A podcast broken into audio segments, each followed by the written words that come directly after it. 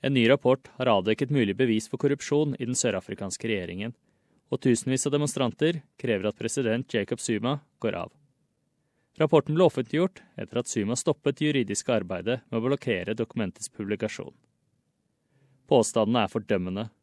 At mektige medlemmer av Sør-Afrikas næringsliv har påvirket offentlige anliggender.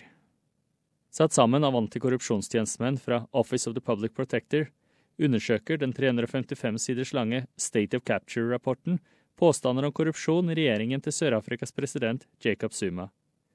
Den ble tillatt offentliggjort etter at Zumas ledende juridiske rådgiver, Anthea Platt, kunngjorde at et høyesterettsforsøk på å blokkere den ble droppet. My instructions are to withdraw the application and to tender costs.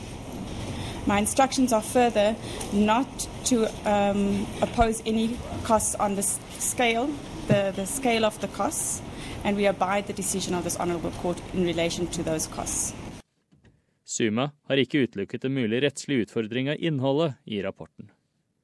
Den nå tidligere Public Protector, Thuli Maronsela, ber om en offisiell kommisjon til å se nærmere på alle påstandene, inkludert de om utilbørlig oppførsel av enkelte statsråder og statlige selskaper. Bevis for forbrytelser er sparsommelige, og The Office of the Public Protector sier at de mangler ressurser til å nå definitive konklusjoner i det omhyggelig formulerte dokumentet.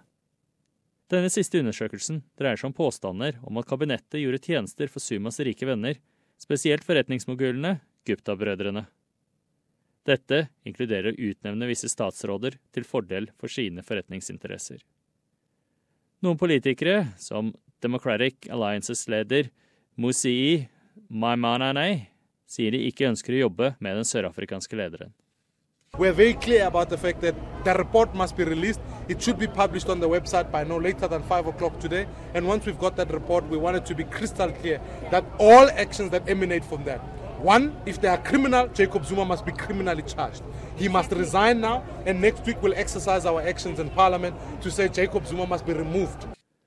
Dette er den siste av en rekke skandaler som har rammet den 74 år gamle sørafrikanske lederen, etter det verste lokalvalgsresultatet noensinne i august for den regjerende African National Congress, eller ANC.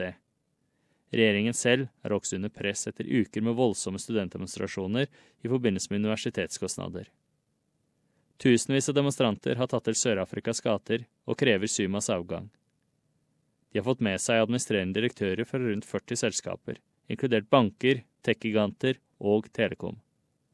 Og i et symbolsk slag har Nelson Mandela Foundation offentlig kritisert presidenten og anklaget ham for å bringe Sør-Afrika ned. Talsmann for gruppen Economic Freedom Fighters, Fana Mukwena, sier tiden er inne for Suma å tre til side. He's, he's, um, he's, he's under siege now, even from his own quarters. Um, the ANC is, is, is speaking out loud um, against him, and uh, and society, I think, has, has come to realize that we, we we've come to the end of the road for him. Sumas siste periode som landets president ender i 2019.